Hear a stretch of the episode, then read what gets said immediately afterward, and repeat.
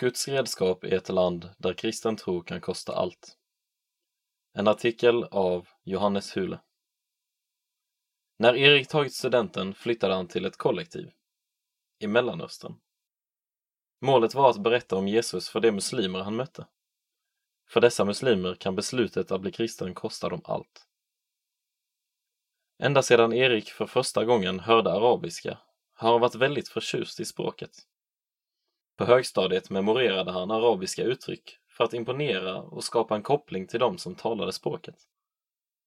Erik är kristen och i takt med att tron blev allt viktigare för honom föddes en längtan efter att dela den med just araber.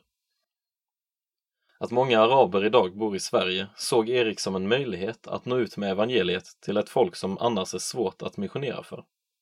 Han uppskattade att samtala om tron med just araber och märkte att de ofta var mer öppna för den sortens samtal än andra. Från Sverige till Mellanöstern. Missionen på hemmaplan gav mer smak. Eriks kärlek för muslimer drev honom till att lämna familj och vänner här i Sverige för att bo i ett land i Mellanöstern.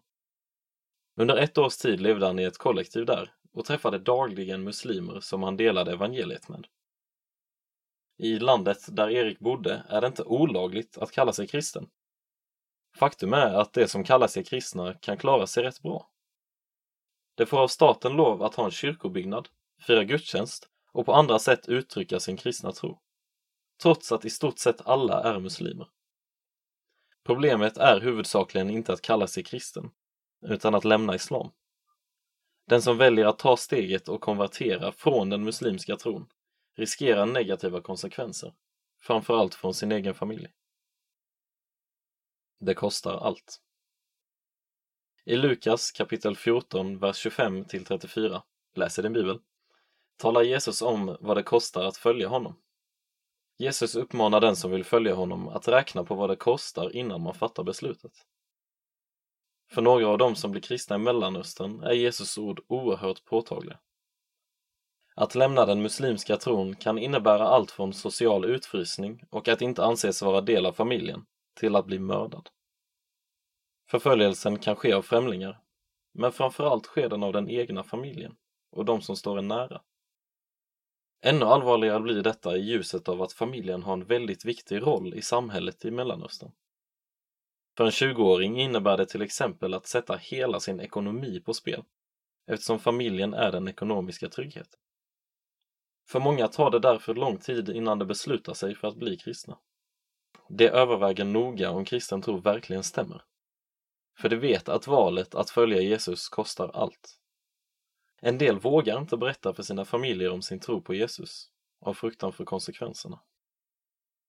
Eriks vänner Erik berättar om en vän som i många år velat följa Jesus, men som på grund av rädsla för konsekvenserna inte vågar berätta för vänner och familj.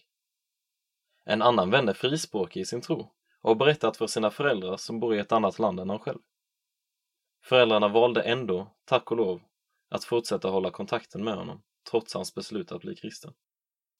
En tredje vän kom en dag väldigt bekymrad till Erik. Hela hans familj hade blivit kristen. Men dagen innan hade hans farbror hotat hans pappa och skadat hans revben och hand. Be för dem som kommer till tro på Jesus. Att ta steget och följa Jesus kostar mer i Mellanöstern än i Sverige. Erik uppmanar oss därför att be för dem som måste ge upp familj och vänner för Jesus. Han poängterar också att många av dem som kommer från Mellanöstern till Sverige och upptäcker kristen tro står inför samma situation. Som kristna är vi kallade till att frimodigt vittna om Jesus för dessa människor, älska dem och stötta dem i beslutet som för dem kan kosta allt.